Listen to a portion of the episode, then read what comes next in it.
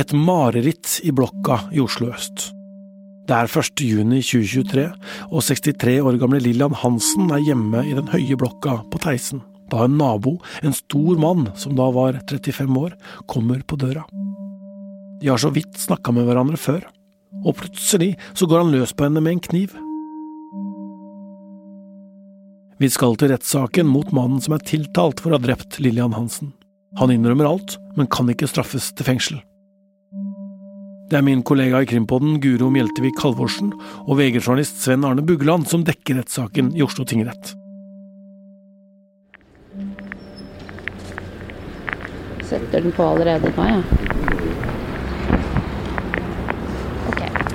Um, da er vi jo på vei til uh, tinghuset i Oslo sentrum, hvor uh, jeg og min kollega Sven Arne skal følge rettssaken som handler om drapet på Lillian Hansen 1.6 i fjor.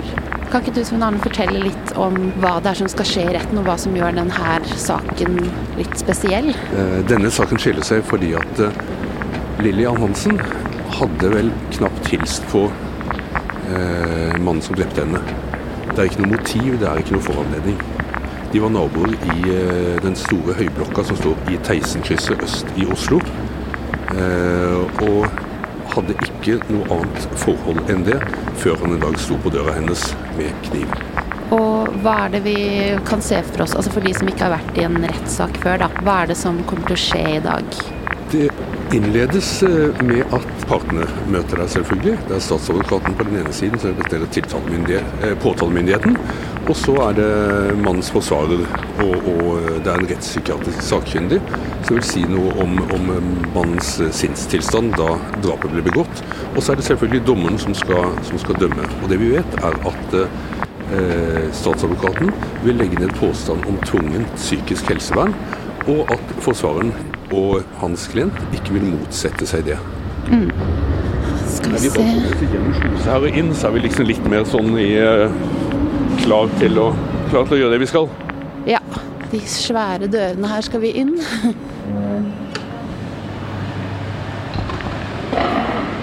Det er selvfølgelig litt sikkerhetsrutiner når man skal inn på et sånt hus. Skal gjennom det som egentlig ser ut som en sånn sikkerhetskontroll på en flyplass.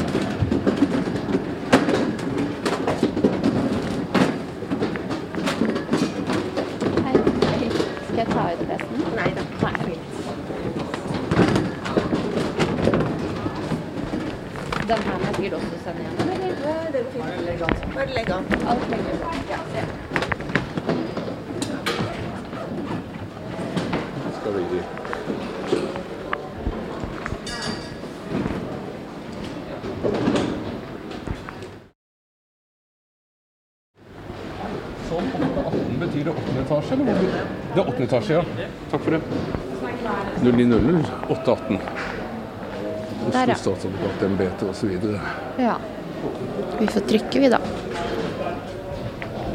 Skal vi samme sted? Åttende? Ja. Kom igjen. Ja. Da er vi inne i tinghuset i åttende etasje, langt ned. Utafor salen i åttende etasje møter Krimpodens reporter Guro flere av de som er der for å følge rettssaken. Det er bl.a. Lillian Hansens tre døtre. En av dem har med seg babyen sin i en barnevogn. Barnebarnet Lillian aldri rakk å møte. Lillians nære venninne, Elsa Drissi, er også med for å følge saken mot venninnens drapsmann. Før de går inn i rettssalen, forteller Elsa om sjokket over venninnens død. Jeg syns det er viktig å få frem hvilket menneske hun var. For hun var jo et, eh, noen som alle elska. Hun ville aldri trodd at noen skulle gjøre henne noe vondt. Aldri trodd det. Derfor lukket hun opp til han. Hun var hjelpsom mot alle. Kanskje hun trodde han skulle låne en røyk eller et eller annet. Og så blir hun drept. Hun fortjente det ikke, altså. Det var, det var så grusomt. Og så mista hun barnebarnet et halvt år før. Så hun er begravd ved siden av barnebarnet sitt. Nei, det var veldig trist. Det er veldig trist ennå. Det, det, kommer ikke til å gå over på Ikke for meg kommer det å gå over. For en har vært venner lenge? Ja. ja. og vi kunne snakke om alt mulig. Så um. Hvordan eh, ble du kjent med Lillian, da? ble kjent med henne gjennom at vi bodde så, så å si naboer. Da ble jeg kjent med Lillian. Og eh, så ble det mer og mer, og vi ble tettere og tettere, liksom. Vi kunne prate om alt mulig. og når vi traffes, så hadde vi det kjempekoselig. Og hun prata bestandig om ungene og barnebarnet. Og hvor hun gleda seg til hun skulle få et jentebarnebarn. Men det opplevde hun ikke. Så det er det jeg kan si. Ja, takk. Mm. Skal vi gå inn? Ja, her var det ikke så stort. Sal 818 er en liten sal med to tilhørerbenker. Foran dem er det et gjerde som skiller tilhørerbenken fra aktørene i retten. Først så kommer statsadvokaten, og så bistandsadvokat Sol Elden sammen med Lillians tre døtre inn. De tar plass på høyre side. Hei, hei, Guro Vegge. Tiltaltes forsvarer Sulman Hussein, tar plass på venstre side. Så blir stemninga i salen anspent. Inn døra kommer det først en politibetjent. Så kommer det inn en stor mann i joggebukse og T-skjorte. Det er den tiltalte naboen. Bak ham følger enda en politibetjent, og mannen blir eh, så fullt bort til sin forsvarer. Når alle har funnet plassene sine, kommer til slutt dommeren og de to sivile meddommerne inn, og retten blir satt.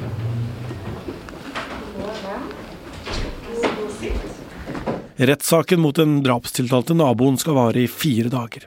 Vi har ikke lov til å spille av lyd fra det som skjer i rettssaken, men vi kan gjengi det som blei fortalt. Først forteller aktor i saken, statsadvokat Cecilie Sløsser Møller, hva saken handler om. Mens aktor går gjennom hendelsesforløpet, er døtrene til Lillian tydelig prega. Tiltalte ser for det meste ned i bordplata foran seg, innimellom gråter han. Den 1. juni i fjor dukka den tiltalte naboen til Lillian Hansen opp på døra hennes, i blokka på Theisen i Oslo. Han tar seg inn i leiligheten og stikker henne i hjertet minst to ganger. Tiltalte varsler selv AMK ti på halv tolv på kvelden, og de veileder ham i førstehjelp. Han sier i telefonen at hun er skada, men sier at han ikke veit hvordan hun er skada.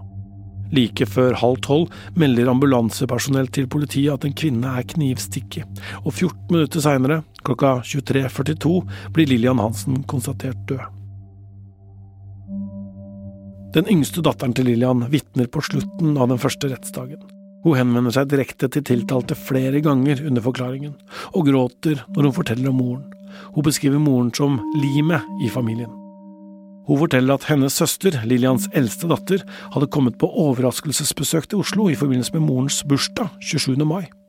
Så, den 1. juni, dagen drapet skjedde, forteller hun at søsteren, moren og faren hennes hadde vært på middag hjemme hos henne. Mot slutten av kvelden fulgte moren sin eldste datter til togstasjonen før hun dro hjem alene. Faren skulle komme seinere. Datteren forteller retten at faren ringer henne når han står i heisen i blokka seinere på kvelden. Ifølge datteren forteller han at det er masse politibiler og sykebiler utafor, og han blir bekymra fordi moren ikke har svart på callinganlegget nede i blokka, men at noen bare har sluppet inn. Store deler av den første rettsdagen er satt av til tiltaltes forklaring. Når han tar plass i vitneboksen, begynner det å summe blant de fremmøtte på tilhørerbenken. Tiltalte har i flere år slitt med psykiske problemer, forteller han. Om perioden før drapet forteller han at han hadde sovet dårlig og var i dårlig helsetilstand. Kvelden drapet skjedde, hadde han vrangforestillinger om at en leder i en MC-klubb var etter ham. Han skal ha trodd at han har hørt MC-lederens skritt i oppgangen, og når han dukker opp på døra til naboen, Lillian, tror han at lederen er inne i leiligheten hennes. Når Lillian åpner, sier hun at han ikke får komme inn, men han brøyter seg inn. Så ser han at hun holder en telefon i hånda, og oppfatter det som at hun vil ringe og varsle MC-lederen. Han opplever sjøl at det står mellom liv og død. Så stikker han henne hjertet med kniven. Han husker bare bruddstykker herfra, men han har et klart øyeblikk der han tenker at han må hjelpe Lillian etter at han angriper henne. Han hører samtidig flere stemmer i hodet. De rettspsykiatrisk sakkyndige har konkludert med at tiltalte var paranoid schizofren under drapet. Tiltalte sjøl sier i retten at han syns det er helt forferdelig, og mangler ord på det som har skjedd. På spørsmål om han er redd for at noe sånt kan skje igjen, så svarer han ja, men han håper at behandling over tid skal kunne forhindre det. Dette er mannens forsvarer, Sulman Hussain, etter at den første rettsdagen er ferdig. Hvordan eh, har tiltalte det? Hvordan var det for han å være der i dag? Det var svært eh, tøft for han eh, å være til stede. Han har på én side sett litt frem til å bli ferdig med saken, komme i retten forklare hvor vanskelig eh, det har eh, vært for han, eh, denne perioden, denne hendelsen. Så har han selvfølgelig også stor medfølelse med de avdødes etterlatte. Svært tøft for han å sitte og høre på ene datteren i dag. Uh, og også når han forklarer seg selv, uh, når han tar retten gjennom hendelsesforløpet, så er det svært vanskelig og tøft for han. Samtidig så har det vært et ønske fra Forsvarets side å få frem at dette er ikke noe handling med noe motiv bak. Dette er ikke en, en forsettlig handling i den forstand at han har visst hva han har gjort. de sakkyndige har har kommet frem til at han har vært utilregnelig i gjerningsøyeblikket, og det er det eh, Forsvarets i saken kommer til å være på. Også Han erkjenner jo de faktiske forhold. så Han erkjenner jo at han har knivstukket eh, offeret eh, og drept offeret med to knivstikk. Det eh, erkjenner han, og det har han gjort hele tiden. Og Bakgrunnen for at, han ikke, eh, at det ikke er snakk om noe straffskyld, er jo for han har vært utilregnelig i gjerningsøyeblikket. Ehm, men han husker eh, deler av hendelsesforløpet. Han husker ikke alt, og han husket mer da dette skjedde for omtrent en eh, halvt år tilbake og litt over det, eh, og har gitt en detaljert forklaring til politiet, og deler av den blir jo lest opp i dag. Jeg vet ikke om det er noe du vil si om det han har forklart i dag? Noe mer detaljer? De sakkyndige har konkludert med at han har vært psykotisk, og det uh, er han helt enig i, den vurderingen. Han har ikke vært uh, i nærheten av å fungere optimalt i den perioden. Hans psykiske helse har vært veldig dårlig. Det har også de sakkyndige uh, vært enige om. Han har vært veldig, veldig syk, og det forklarer han selv.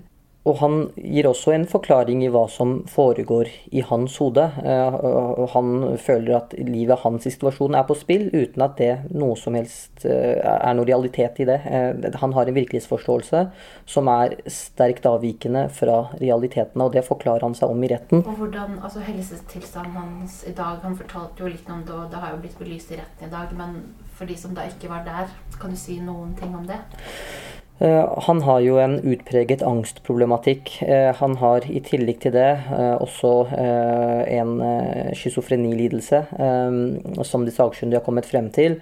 Og, til, og, og, dette på en måte sammenblandet med situasjonen at han skal tas gjennom det som har skjedd, hendelsesforløpet på nytt, det gjør at han er svært stresset. Han, han sliter med å huske, han sliter med å konsentrere seg. Um, og det gjør at han, hele hans forklaring i dag har vært preget av uh, at hans forklaring fra tidligere har blitt nødt til å blitt lest opp, for han husker svært lite. Guro snakker også med den mellomste datteren til Lillian, Fato, etter at uh, den første rettsdagen er over. Hvordan var det for deg å være her i dag? Det var veldig, veldig tungt. Jeg visste ikke at salen skulle være så liten, så at han var ganske nære var veldig tøft. Eh, og bare å se ham også og høre stemmen var veldig tøft. Det var veldig ekkelt, for det var sånn Det var så uvirkelig, men samtidig Nå sitter vi her liksom i en rettssak, og ja, jeg ble litt dratt tilbake til da det skjedde.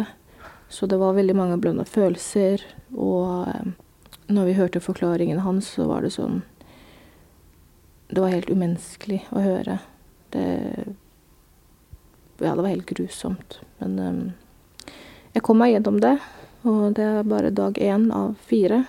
Jeg vet ikke om det blir tøffere eller om det blir bedre de andre dagene, men jeg skal sitte her og høre på alt. Fato forteller om Lillian Hansen som en omsorgsfull mor og en engasjert mormor for barnebarna. Mamma var en veldig god og snill person. Hun hjalp alle vi kalte henne en gang en sånn liten Karen, men på en positiv måte. Fordi hun hjalp de som ble urettferdig behandla, eller om det var noe, var noe, feil som andre ikke så. Og hun var en veldig, veldig snill og god mormor. Hun hjalp meg alltid med barna mine hvis det gjaldt. Om jeg måtte til legevakta midt på natta, så kom hun. Og de var veldig glad i henne. Det var jo alltid sånn når mormor kom, så visste de at hun skulle få sjokolade eller, eller noe sånt. Og hun skulle alltid danse og leke med dem, selv om hun ikke klarte å stå nesten når hun var sliten, for hun kunne være sliten noen dager. Mm. Er det noen sånn typisk andre ting dere gjorde sammen, eller noe som eh, på en måte beskriver litt hvordan hun var? Eh, hun pleide alltid å ringe og spørre om hun kunne komme på middag, men da ville hun lage maten selv. Og det var alltid jeg vokste opp med at alt skulle lages fra bunnen av. Ikke noe Toro, ikke noe ingenting. Vi har også mat fra Gambia. For pappa min er derfra, så hun pleide å lage mye gambisk mat. Selv om hun ikke var så glad i det, så lagde hun det for oss da og pappa. Og så lagde hun en liten middag for seg selv ved siden av. Så hun lærte jo veldig mye. Vi lærte jo veldig mye på kjøkkenet også, så det er liksom Lage mat minner meg mye om mamma. Det gjør det. Søsteren din sa jo noe om at hun var liksom limet i familien. Kan du si noe om det? Om hva slags rolle hun hadde i familien? på en måte? Ja, det var hun som arrangerte alt med besøk og sånt. Selv om hun hadde den bitte lille leiligheten, så kom hun til oss, og da ba hun alle sammen å komme. Så vi var jo mye sammen av hun. Og hvis jeg og søsteren min krangla, så var det alltid hun som fikk oss til å ordne opp og bare sånn Dere er søstre, dere må bli venner igjen. Så ble vi venner igjen, da, av hun sa det. Mm. Mm. Bare et halvt år før Fato mistet moren, mistet hun også sin tre år gamle sønn. I perioden etterpå var moren en viktig støtte for henne. Bare et par uker før moren ble drept, var de på kirkegården sammen for å besøke graven hans. Så det var meg, mamma, og så hadde jeg med sønnen min i vogna. Eh, og hun lille jenta i magen. Og så prater vi litt, og så blir hun litt følsom, og så sier hun at eh, Kan jeg spørre deg om noe? Så sier jeg ja. Hun bare Når min tid kommer, kan jeg, vil, kan jeg få lov til å ligge ved siden av han? Og da sa jeg først jeg bare Vil du ikke ligge med foreldrene dine? Og så sa hun men de ligger jo i Trondheim, hvordan skal dere komme og besøke meg? Så sa jeg ja, det er sant, men den samtalen her har vi ikke nå, det er jo om flere år til. Så sier hun ja, det, det er det. Og så går det to uker, så ligger hun der. Så nå ligger de to sammen mm. ved siden av hverandre. Mm. Siste gang Fato møter moren sin, er på morens bursdag, bare noen dager før hun døde. Og da var vi ute og spiste, og det var ikke ofte vi var ute og spiste med henne, fordi jeg hadde ikke tid med barna og økonomi og sånt. Så hun var veldig glad for det, og hun hadde sagt at det her var hennes yndlingsdag, for nå var hun med alle tre døtrene ute og spiste, så hun var veldig glad. Eh, det var siste, og det var 27. mai. Det var siste dagen jeg så henne på bursdagen hennes. Mm. Hva tenker du er liksom, Hva er viktig for deg og for søstrene dine nå disse dagene her? Få en god avslutning. Og at han får den straffen han fortjener.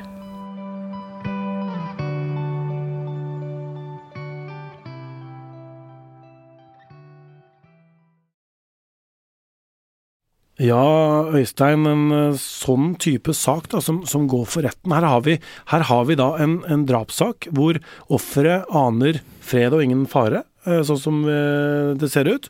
Og så kommer denne mannen og brøyter seg fram inn i leiligheten og knivstikker henne til døde. Hva tenker du? Forferdelig sak. Umulig å beskytte seg mot det. Det ene øyeblikket så er det stille og rolig, og en kvinne i 60-åra er i leiligheten sin, og det neste øyeblikket så er hun overfalt av det som skal bli hennes drapsmann. Det, det er heldigvis veldig sjelden det skjer, men denne saken viser jo at du kan faktisk aldri være helt trygg. og så skal ikke vi sitte her og spre veldig mye redsel, for det skal sies at sjansen for å oppleve noe sånt er veldig, veldig liten. Eh, og du kan oppleve mye annet eh, i livet som eh, det er små sjanser for at utsettes til, men som får dramatiske konsekvenser også. Men, men dette er jo et sånt For mange vil jeg tro et største marerittet, da. At du får besøk av en som, ja, i dette tilfellet har vrangforestillinger. og da hjelper det jo ikke at ikke du har gjort noe gærent, det hjelper ikke at ikke du kjenner vedkommende, eller du kan ikke heller forsøke å snakke fornuft til vedkommende nødvendigvis, fordi at uh, den som da kommer i en sånn tilstand, uh, ser og tenker og mener og oppfatter noe helt annet enn det som er reelt, og da sier det seg sjøl at det er vanskelig å komme gjennom Eh, og da er det en, selvfølgelig en veldig, veldig farlig situasjon. Fordi drapene i Norge Vi har jo forholdsvis få drap. Nå har det vært mange eh, drap i 2024. Eh, det har vi snakka om flere ganger, men det er få. Eh, sett i Europa, europeisk sammenheng i hvert fall. Og så er det sånn at folk blir drept av folk de har et forhold til eller kjenner til. altså Det er ikke tilfeldig hvem som er offeret. Her blir det da et helt tilfeldig offer. Og det er jo i disse sakene hvor det er da um, utilregnelighet eller en psykose eller vrangforestillinger det skjer. Ja, det er som du sier. I de fleste saker så er det en eller annen form for forbindelse mellom offer og gjerningsmann. Og så kan det også være noen situasjoner hvor det oppstår en en krangel, en uoverensstemmelse på byen f.eks., og, og det eskalerer, og så ender det med at uh, en person ligger, ligger, død. Det skjer også. Uh, Men da er jo det et forløp her, ikke sant? Det er et forløp, uh, og det er det som er spesielt med denne saken her, at her er det ikke det. Ingenting. Han tror jo, gjerningsmannen, at det er en, en fått for seg at det er en MC-leder som er i den leiligheten og er redd for vedkommende. og Uh, tar da kniven og, og, og ringer på og, og, vil inn der. Uh, forstår da heller ikke at uh, han er helt på ville veier, og han Han justerer seg jo ikke når han ser at det ikke er noen MC-leder. Han, han, oppfatter tydeligvis ikke det. Dette er jo en, en sak hvor man ser hvor, hvor farlig alvorlig psykiske syke kan være. Og så er det igjen viktig å si at det er ikke sånn at alle psykiske syke er farlige, men det er samtidig heller ikke grunn til å legge skjul på at, at dette kan være eh, en situasjon som oppstår. Um, det skjer av og til, ikke ofte, men det er jo ikke den første saken som, eh, som, ligner på denne, men som sagt veldig sjelden og heldigvis langt mellom. Det som skjer i denne saken er jo at eh, denne mannen blir dømt til det som kalles for eh, tvungen psykisk helsevern. Det er jo en, en straff, men, men, det er jo ikke en straff i, i, sånn at han er, kommer i fengsel. Han blir jo da sendt til behandling på et sykehus. Det gjør han, og så skal han være der til han er frisk, og da kan han løslates. Og så kan du vel få både tidsbegrenset og tidsubegrenset eh, dom om psykisk helsevern. Og det vet vi ikke hva som blir utfallet her enda. Denne saken går jo for retten eh, nå. Det er jo sånn da at du og det har også vært en diskusjon, ikke sant. At noen syns at det å bli få behandling kan være en en lite ja, en dårlig reaksjon, for svak reaksjon. Så har det vært eh, også noen debatter hvor folk har blitt løslatt, eh, eller kommet ut i samfunnet igjen, eh, tilbakeført, fordi at de har blitt friske. Og det kan jo skje relativt fort, og det vil jo si at du kan jo ja, Ta et tenkt eksempel, så kan du jo uh, være innlagt på sykehus eller være under psykisk helsevern i, i to-tre år, kanskje, eller to år, og, og, være frisk og bli løslatt etter å ha begått et drap. Mens hvis du hadde vært tilregnelig, så ville du fått en mye lenger Da ville du fått en straff, for det første, og så ville du fått, vært mye lenger vekk fra samfunnet. Uh, da ville ja, en straff ville vel ha begynt på fra 10-11-12, kanskje mer enn det også, avhengig av hvordan dette drapet har, har skjedd. Så det er jo også noen som diskuterer det innimellom. Ja, fordi man ser jo da at drapsmenn da kommer ut ikke sant, tidligere enn de ville ha gjort hvis de hadde blitt dømt til fengsel og vært tilregnelige. Men, men det er jo prinsipp her da, som vi i Norge har, om at de som er syke, eller i hvert fall da utilregnelige, psykisk syke, som ikke kan De kan ikke stå til ansvar for de handlingene de gjør. Det er riktig, og det er det som er grunntanken, er jo at hvis du er eh, syk eh, under spesielle eh, vilkår, og der er det jo da mm, sakkyndige, rettspsykiatere, som jobber med å finne ut av om du er innafor eller utafor den kategorien, da. Og da er jo også sånn at de av og til er uenige. Det har vi jo opplevd bl.a. i 22. juli-rettssaken. Um, og vi har vel opplevd det nå i uh, 25. juni-saken, at det er uenighet. Så det sier også noe om hvor komplisert det her er. Og det tror jeg nok spiller også inn i forhold til folk flest sin oppfatning og tanker rundt uh, denne ordningen. At man ser at dette er ikke noe eksakt vitenskap. Var gjerningsmannen syk? Eller var han ikke syk? Og så mener en ekspert at det var han, og en annen mener at han ikke var der. Og da tror jeg nok at hvermannsen kanskje tenker at øh, ja, at det blir et moment i denne diskusjonen. For jeg har vært i flere forskjellige uh, private sammenhenger hvor akkurat dette her blir diskutert, og hvor mm. folk har ganske sterke oppfatninger uh, ulike, i ulike retninger. Da. Kanskje litt i forhold til hvilket ståsted du har i om du jobber med det, jobber med psykiatri, eller om du er utafor, eller om du har opplevd noe osv. Så, videre. så det er, det er, en komplisert problemstilling, men i denne saken her så er jo både aktor og eh, forsvarer og alle enige om at han var utilregnelig. og Eh, og det er det som vi begynte denne biten av, av samtalen med, at han, eh, han, skal ikke, han, skal ikke, straffes fordi at han, han, visste ikke hva han gjorde. Han var ikke tilregnelig, eh, og, og da kan du ikke straffes til fengsel. Mm. Og så bare for å understreke det, så er jo da ikke psykisk helsevern er jo på en måte ikke en straff. ikke sant? Det er behandling, så det er jo to forskjellige men det er noe du dømmes for, så det er ja, sånn det skillet der ja, mellom straff og, og ikke-straff. Man kaller det vel en slags straffereaksjon, men det er ikke fengsel? Nei, det er ikke det, og der er det et forskjell, ikke sant. Bare så alle, alle er klar over det. At du sitter ikke i fengsel hvis du er dømt til tvunget psykisk helsevern. Da, da er du på et, eh, på et sykehus du, eh, eller en institusjon, og du Vice versa så sitter du da uh, i et, i, under kriminalomsorgen og i et fengsel hvis du er dømt uh, uh, den, etter vanlig straffeloven. Da. Få med deg miniserien vår som ligger på Podmy nå. Den heter Ronjas siste fest. Hvem var det som dopa ned 19 år gamle Ronja? Episode to kommer på mandag.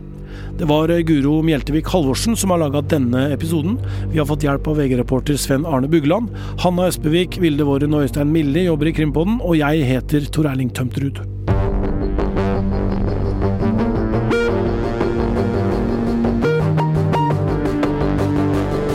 Du har hørt en podkast fra VG. Ansvarlig redaktør, Gard Steiro.